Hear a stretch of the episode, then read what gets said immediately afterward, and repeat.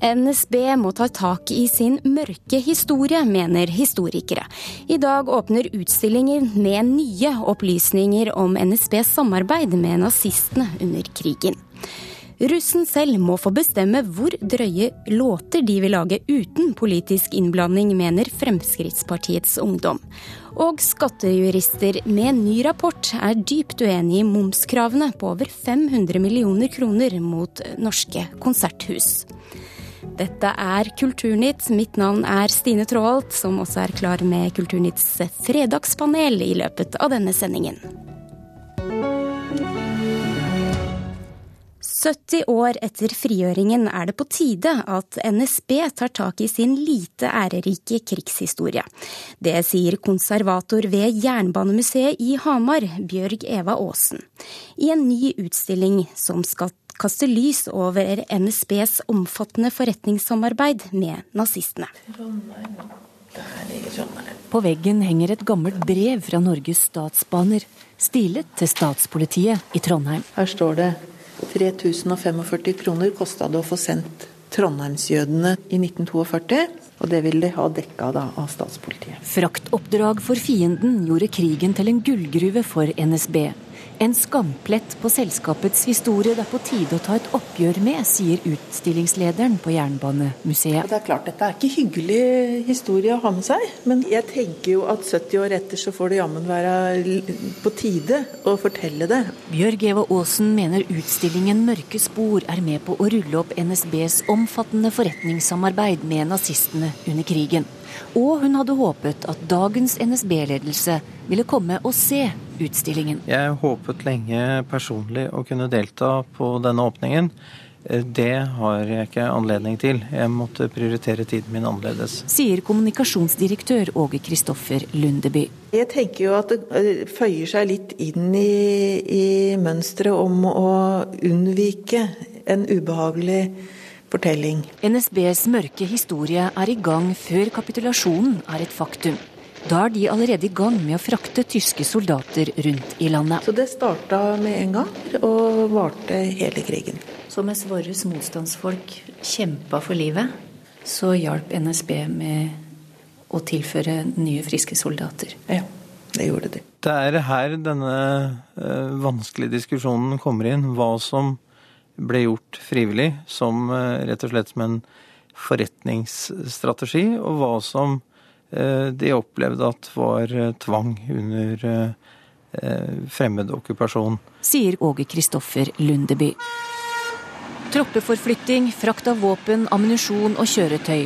Alt på NSB sine skinner. Og som i Trondheim, NSB var på pletten da jøder fra hele landet skulle fraktes til Akershus-kaia for å deporteres i november 1942. Og det er klart at det er ikke noe noen har lyst til å skryte av i ettertid. Det er ikke det. Så de har vel holdt munn og håpet at ingen skulle oppdage dem. Og det var det jo heller ingen som gjorde i 45. Så de beholdt jo stillingene sine. Her er jeg ikke ferdig med å sette lyset. Ser du? På en annen vegg henger en kopi av et fangekort. Krigsfange på en av NSBs leire. Fange nummer 129392. Og han ble skutt under flukt. En stor del av utstillingen vies hvordan NSB samarbeida med tyskerne om utbygging av Nordlandsbanen. NSB både visste om og la til rette for bruken av sovjetiske krigsfanger. Dette har da NSB i 70 år forsøkt å fortie. Sier forfatter Bjørn Vestli, som har bidratt til utstillinga. I vinter kom han med boka 'Fangene som forsvant', NSB og slavearbeiderne på Nordlandsbanen. Det er skammelig. Det er eh, rett og slett flaut. Er hans mening om NSBs fravær på utstillinga i dag. NSB bør sørge for å fortelle hele historien om seg sjøl, og da kunne de ha starta her. Ja, Det ville vært den beste anledningen å, å virkelig vise eh, hvor de står i disse spørsmålene. Vi er åpne når vi blir spurt. Så er det sikkert noen som ønsker å spekulere i om vi ikke er interessert i krigshistorie, og ikke er interessert i oppmerksomhet rundt dette. Dette kan jeg på det sterkeste avvise. Men er du ikke redd for at NSB som merkevare blir besudlet av at disse historiene kommer ut? Absolutt ikke. Dette er mørke kapitler i NSBs historie. Ja, til slutt her så hørte du kommunikasjonsdirektør i NSB, Åge Kristoffer Lundeby. Og reporter, det var Torunn Myhre. Åtte av ni ungdomspartier synes enkelte av årets russelåter er for drye. Men Fremskrittspartiets ungdom mener russen selv må få bestemme hva slags låter de vil lage, uten politisk innblanding. Det er ikke greit å kalle jenter for horer, sier leder i KrFU, Emil André Erstad. Nei, Det er ikke morsomt å, å tulle med voldtekt og, og omtale jenter på den måten. Det er ikke humor og kommer ikke til å bli humor. Sier ungdomspolitiker Emil André Erstad, som reagerer på bl.a. denne russelåta. Vil du være med meg hjem hvis jeg skjenker deg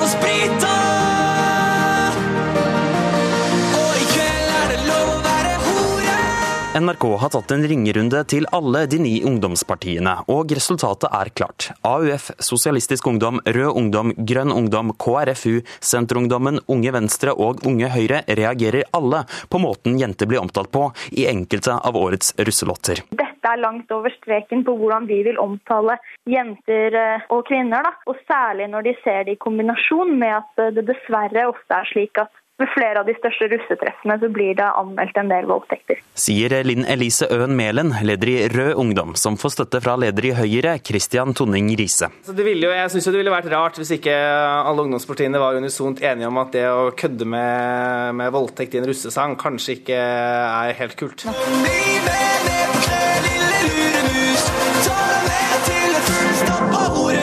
Det eneste ungdomspartiet som ikke vil stille seg i rekken, er Fremskrittspartiets Ungdom, FPU.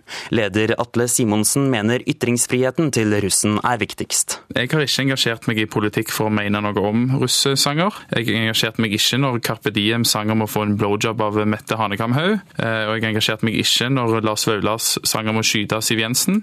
Eh, og engasjerer meg heller ikke her. Hvilket signal tror du det gir til ungdom som eh, skal på russefeiring nå, som hører disse låtene? At det er de som selv må ta ansvar for sine egne handlinger. Produsenten bak mange av de omstridte russelåtene, Andreas Haukeland, mener bare eldre mennesker tar seg nær av dem. Det har ikke lykkes NRK å få en kommentar nå. Tidligere har han avvist kritikken. Alle som er russ i år, klarer å forstå at tekstene er eh, ment som et humoristisk innslag og er bare tull. De som faktisk gjennomfører et seksuelt overgrep, har nok større mentale problemer fra før av enn at enn til at de kan skylde på en russelåt. Men hva mener egentlig russen selv om å bli kalt hore i russelåter? Nei, vet du hva, det det er ikke greit i det hele tatt. Og jeg blir så utrolig irritert, fordi disse mener at nei, vi promoterer bare et liberalt syn på sex. Men hvis du har et liberalt syn på sex, så er det jo ingenting som heter hore. Her. Reporter her var Martin Holvik. Skipsted vil kjøpe den svenske boligannonsesiden Hemnet. Nettstedet, som tilsvarer eiendomsdelen av finn.no, eh, Nettstedet tilsvarer altså eiendomsdelen av finn.no, som Skipsted eier i Norge. Det norske mediekonsernet har allerede sikret seg 50% av aksjene, og nå arbeider de seg for å sikre seg resten. Lykkes Skipsted med å ta over den svenske nettsiden, må de bla opp med 1,5 milliarder svenske kroner. Landsvik-arkivet har mottatt 8000 henvendelser på de vel fire månedene arkivet har vært åpent for publikum. Den store pågangen har ført til at ventetiden for å få utlevert dokumenter nå er på hele tre måneder. Det skriver eh, Aftenposten. Landsvik-arkivet inneholder opplysninger om nordmenn som var mistenkt for å ha støttet nazistene under andre verdenskrig. Og fra og med i kveld så kan du se opera ved 15 europeiske operahus på internett. Og det helt gratis. For et nytt nettsted skal gjøre opera mer tilgjengelig, og er et treårig prosjekt som bl.a. får penger fra EUs kulturbudsjett. Ordningen går ut på at operaene direktesendes på internett, for så å bli liggende ute gratis i seks måneder. Det skriver The Guardian. Først ut i kveld er Verdis La Triavata fra Madrids Teatro Real. Og Den Norske operaballett er også med på denne ordningen. Skatteetatens momskrav mot konserthusene er galt og i strid med det som var hensikten da den nye momsloven ble vedtatt. Det mener noen av Norges fremste skatte- og avgiftsjurister. Skatt Vest har varslet at konserthusene i Stavanger og Kristiansand samlet må betale tilbake over 550 millioner kroner i moms. Momskravet får i glatte lag i en rapport bestilt av Konserthuset i Stavanger. Vi er eh, dypt uenige på et faglig grunnlag på eh, det varselet som har kommet. Det sier partner Bård Ivar Koppang i advokatfirmaet Price Waterhouse Coopers, PwC. Han sikter til momskravet på til sammen over 550 millioner kroner mot konserthusene i Stavanger og Kristiansand. Det vi reagerer på er eh, primært rettskildebruken. Og det har sammenheng med at eh, vi eh, da ikke ser spor av drøftelser rundt forarbeidene i dette varselet som har kommet. Koppang snakker her om forarbeidene til en lovendring som kom i 2008. En justering som skulle sørge for at Norge ikke bryter EØS-reglene når kommuner får refundert moms på sine byggerier og aktiviteter. Eh, man må starte med utgangspunktet. Hva var lovens formål? Det var å oppfylle Norges forpliktelse til EØS-avtalen, og da bruddet som man hadde hatt på statsstøttereglene. Og Det var begrunnelsen. Man ønsket heller ikke å gå lenger enn det. Det fremgår veldig klart av forarbeidene. Velkommen til din møtested for kunst og for kultur, for utfoldelse, for opplevelse og for fellesskap. Stavanger konserthus ble åpnet i 2012. Da hadde advokatfirmaet PwC allerede jobbet med momssaken i Stavanger i flere år. I en ny rapport til sin oppdragsgiver skriver juristene at konserthuset i oljebyen i det alt vesentlige har krav på de 256 millioner kronene som skatteetaten nå krever tilbakebetalt. Det mener vi har godt rettslig grunnlag for også, både i forhold til eh, forarbeidene, i forhold til EUs kulturunntak, at det også i eh, forarbeidene er uttalt at kulturområdet skulle være unntatt.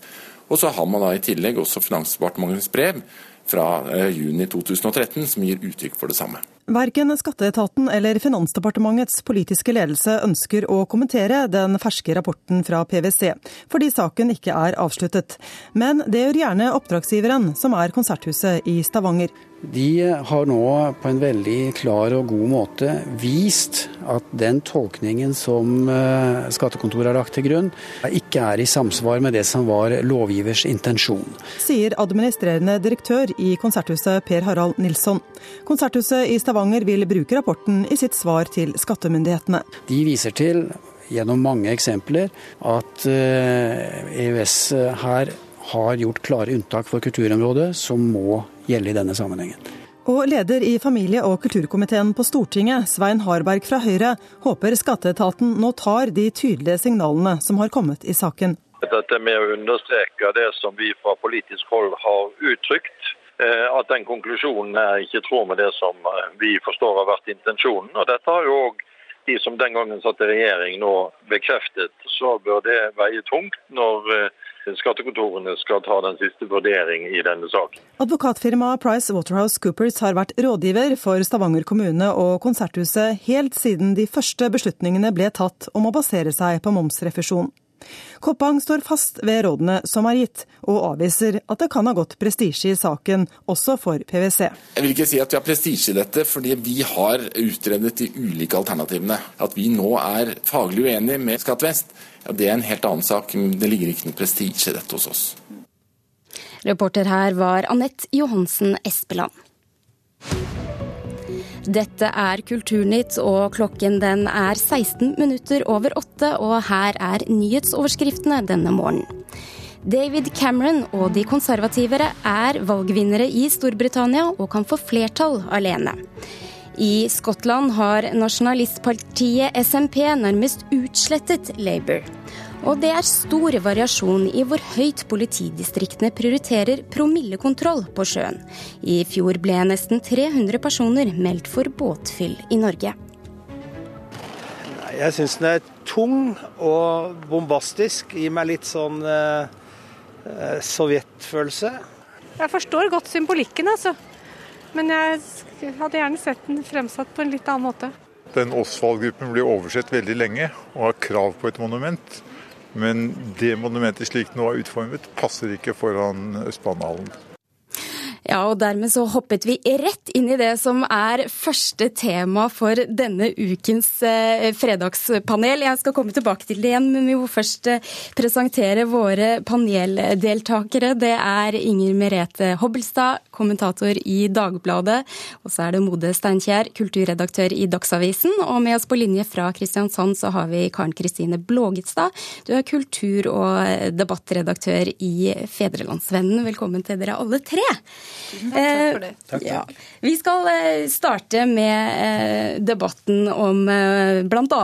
Osvald-monumentet. For etter de siste ukenes både et store engasjement for denne statuen, så gikk eh, direktør for kunst i offentlig rom eh, ut i Kulturnytt denne uka og mente at statuer og monumenter bør ikke nødvendigvis få stå på samme plass til evig tid.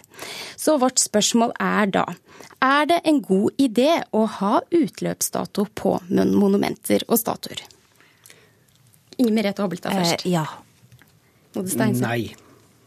Og i Kristiansand, Karl-Kristine Ja, da er vi enige i det. Begynn med deg, Inger Merete. Eh, ja, altså jeg tenker at uansett så er det litt uheldig om avgjørelser i sin alminnelighet er helt ugjenkallelige.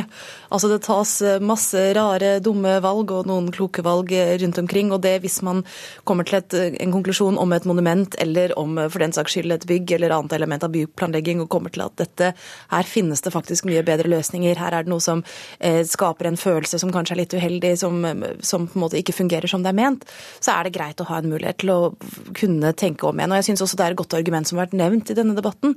Altså det med at de mest åpenbare plassene for monumenter på en måte brukes opp. Altså etter hvert så er det et monument på alle sånne eh, opphøyninger og plasser og, og her og der. Og dermed så blir det på en måte forrige generasjoner også som dermed får nesten uforholdsmessig stor innflytelse over hva som skal huskes og på hvilken måte. Eh, men så er det selvfølgelig visse utfordringer med å løse det praktisk, men det kommer vi sikkert tilbake til. Ja, Hva tenker du, Monstadkjær? Jeg tenker at det ikke er så enkelt som at man, hvis man ikke liker noe, så skal man kunne flytte det med en gang. For det er jo det som kan bli realiteten av dette her. Eh, F.eks. denne Osvald-statuetten. Den, den, står der den står. Jeg tror den skal få lov til å stå der lenge. Og kritikerne som da vil ha den bort av rent estetiske grunner, de glemmer jo egentlig hva denne eh, statuen står for, hva dette monumentet står for. Eh, det hyller en, en gruppe som burde vært hyllet for, for mange, mange år siden. Men pga. de som skrev historien, så har de også blitt skrevet ut av den. Så spørsmålet er skal man da, fordi man ikke liker noe estetiske grunner, også skrive et monument ut av historien, eller flytte det til et sted hvor det ikke syns så godt, eller kanskje fjerne det helt? Da tråkker man mer på de som monumentet reises for, enn på kunstneren eller den estetiske følelsen til de som faktisk da bruker byrommet. Jeg ja, jeg ja. syns jo at uh, man kan jo ikke fylle opp uh, alle rom i Norge med statuer og minnesmerker som skal stå der for evig tid, men jeg syns jo det er vanskelig å skulle sette noe opp med en utløpsdato. Så jeg tenker jo at det er ettertiden som skal få være dommere her, og at det vi kan strebe etter, er jo å få en litt lavere terskel for å ta noe ned og fjerne noe. Og eh, Da er det jo to barometre som jeg tenker eh, slike minnesmerker skal måles på. Det er jo om de er historisk vesentlige eller interessante, eller om de er kunstnerisk eh, interessante. Og Noe av det vi har i Norge i dag vil falle gjennom på, i begge disse barometrene, mens noe vil stå seg og kunne stå lenge. Og så er det dette spørsmålet også hva er lenge? Hva er lenge sånn minnesmerkefaglig sett? Er det én generasjon, to, tre? Jeg vet ikke. Ja, og det må jo bli en del byråkrati da, ekstra hvis man skal gjennomføre et sånt prosjekt her. Eh, absolutt. Og jeg tenker at det er jo masse åpenbare potensielle farer ved en sånn tanke også. Altså, man står jo fare med at det blir et slags realityshow for monumenter hvor man bare stemmer ut de man ikke liker. Altså, det kan bli sårbart for vekslende opinioner, ikke minst for vekslende styresmakter. Så det må på en måte bygges inn et slags vern i den holdningen da, som gjør at ting kan få bli felles referanser, som jo tross alt er meningen at de skal bli. At det skal være påminnere for flere generasjoner om noe viktig som har, eh, har hendt. Og hvordan eventuelt slike på en måte, eh, sikkerhetsnett skal bygges inn i det, det vet jeg ikke helt hvordan skal gjøres i praksis. Men det må være med. Vi vil jo få masse, masse, masse interessante kunstdiskusjoner og historiske diskusjoner rundt disse monumentene hvis vi begynner å vurdere å ta noen av de ned etter hvert. Og det er jo gøy. Det liker vi. Steiner, du skal få avslutte. Det er jo det, hvis man ser på hva gatene heter, f.eks. i Oslo eller andre byer som har, eh, har vært en stund i Norge, så, så, er det mange navn der man i historiens lys kanskje burde plukke ned fra veggen. Eh, hvor det har kommet fram etterpå at de kanskje ikke har oppført seg så pent i sin samtid som, som man trodde når man satte opp disse skiltene. Men, men, det er en helt annen diskusjon, og jeg tror faktisk at, at ting skal få lov til å sette seg, og så blir det glemt. Og man glir inn i en vane hvor, hvor dette er en del av vår felles historie, som jeg tror vi skal ta vare på. Jeg tror vi skal la det være med det, og så skal vi vandre over til russen, for vi slipper ikke unna de i dette fredagspanelet heller. For etter tekster som 'I kveld er det lov å være hore, vil du være med meg hjem men når vi drikkes under bordet', har kritikken haglet mot russens egne konseptlåter. Og enkelte kommentatorer har koblet de grove tekstene opp mot voldtekter på årets russetreff. Er det å gå for langt? Eh, nei, men med et lite forbehold. Bode? Eh, jeg bruker også forbeholdet, men eh, jeg Og hva med Karen Kristine? Ja, Da sier jeg nei uten forbehold. Jeg, jeg syns at dette er altså så drøyt. Jeg er helt rystet langt inne i sjelen. Nå er jeg blitt ordentlig sånn moralsk kjerring har jeg blitt nå etter at jeg har hørt disse låtene her. Og hvorfor tar du forbehold? Eh, fordi jeg tenker at popmusikk har på en måte noe med, Poenget med litt sånn seksuelt eksplisitt popmusikk er jo nettopp at den ikke er virkelighet. Altså Ofte har dette vært en arena der man har øst ut for, forskjellige primale instinkter og aggresjon osv. Massevis av tenåringer som har gjort det gjennom Eminems eh, ganske spesielle tekster eh, til tider. Så sånn sett tenker jeg at man skal på en måte roe seg ned og tenke på det før man kapper huet av disse unge folka som har eh, bestilt det. Men samtidig så er det, altså det er klart at disse tekstene det er en utrolig på en måte har kald mekanistisk skildring av seksualitet. Det beskriver med stor entusiasme nettopp de situasjonene som russjenter bør unngå, som voksne mennesker som bryr seg om dem er opptatt av at de skal unngå, der det kan skje, der man, det kan resultere i at man blir utnyttet, rett og slett. Så dette er ingen far-fetched assosiasjon, og det syns jeg egentlig det er helt greit at alle involverte blir bevisst på og konfrontert med. Ja, og Disse tekstene legitimerer jo ikke voldtekt, det, det, gjør de ikke. Men de legitimerer et syn på kvinner som er objekter. Og hvis du ser en sovende full russejente et eller annet sted, så er det liksom et objekt og noe som skal tas og erobres og, og ferdig med det. Altså. Eller i hvert fall så er seksualiteten er helt enig med Inger Merete. Det er eh, mekanisk, og det er, eh, kvinner er bare objekter og sånn. Det er veldig veldig opprørende, syns jeg. Og så er det veldig umusik umusikalsk også, både bildelig og bokstavelig talt. Nå skal russen samles i Kongeparken i Stavanger denne helgen. Mm. og de skal danse til disse sangene, danse til disse låtene et eller annet, et eller annet sted i Kongeparken. Mens kanskje i en annen utkant av dette store russetreffet, så foregås det voldtekter på nøyaktig samme tidspunkt. Og det er, eh, det er dårlig stil. Mode jo... Steinkjer, vi får slippe deg til nå, du, for du tok også et uh, forbehold? Jeg tok forbeholdet, men, men, det er klart at disse tekstene de er avskyelige, og de står for holdninger som uh, Ja, man kan mildt sagt si at de er umusikalske, det er egentlig et godt ord på det hele. Men, men jeg tenker at dette, dette, gjelder nok ikke all russen. Jeg tror ikke dette er det som all russen omfavner eller forholder seg til. Jeg tror dette handler om en del av russen som, som har kommet skjevt ut uh, i forkant i forhold til hvilke verdier de ser på seg selv, uh, eller det de mener at de bør eh, ha som, som, russ. Og så er det jo noen som står bak dette her, som er langt eldre og som burde vite mye bedre. Ja, for de gjør det jo for å provosere, det sier de jo. Det er enkelte uh, russelåter dette dreier seg om, og innad i russemiljøet miljøet, så skjønner vel alle at dette bare er tull?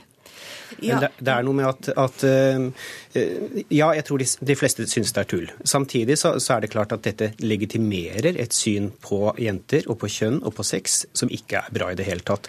Og, og det, det, tror jeg det som vil stå igjen etter dette her, er, er nettopp det, det synet som de forfekter. Også, hvorfor skal de velge akkurat denne arenaen og akkurat denne tematikken å provosere på? Bringer det samfunnet framover på noen måte? Gjør det samfunnet rausere, mer liberalt, mer seksualliberalt, hvis det er det som er ønsket?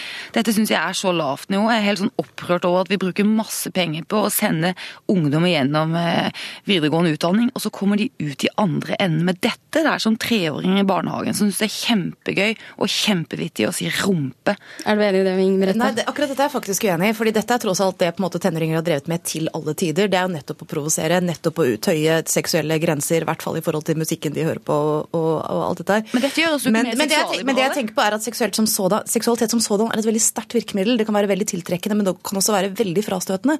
Hvis det er den mest på en måte kaldeste, kjipeste varianten av det om du vil. Og dette bør det være mulig å velge seg ut av, eller si at man reagerer på. Og det tror jeg er vanskelig når man blir tatt av den røde russebølgen.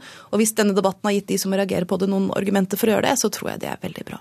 Og med det så må jeg runde av dette temaet. Eh, vi skal over til eh, noe så trist, kanskje vil mange si, som papiravisens død. Og da passer det jo godt å ha en fin gjeng avisfolk i studio. For eh, to medieforskere sa til Kulturnytt denne uka at de tror at både VG og Dagbladets papiraviser vil være døde rundt en, om en fem år. Og er ikke det like greit, da? Nei, det er ikke det. Eh, jo. Jo, jeg er enig i det. Like ja, greit. to som er enig. Vi får begynne med deg, da må du Steinkjer. Det er fint at jeg som ikke jobber i tabloidaviser, er faktisk en av som uh, forsvarer tabloidavisene. Men, men, jeg er glad i papir, og jeg tror heller ikke at dette er så mørkt som, som de sier.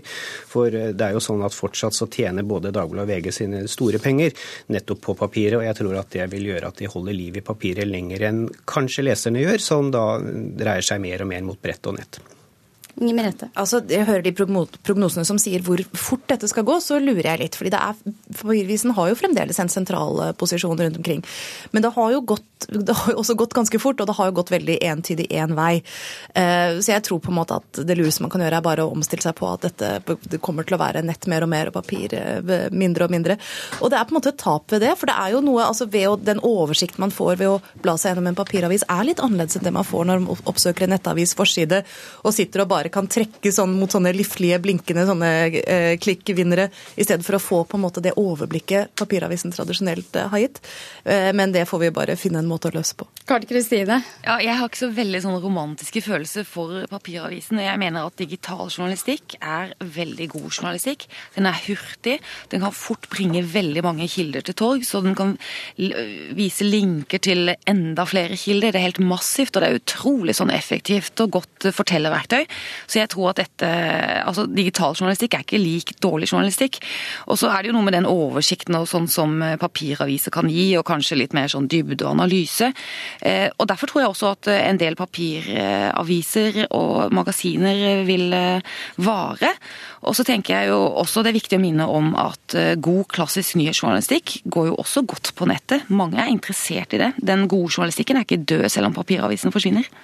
Og faktisk med det så må jeg runde her, for dagens Kulturnytt er over. Nyhetsmorgen fortsetter nå i P2 Alltid nyheter. Ansvarlig i dag var Andrea Kvammehagen, og teknisk ansvar hadde Marianne Myrhol. Mitt navn er Stine Traalt.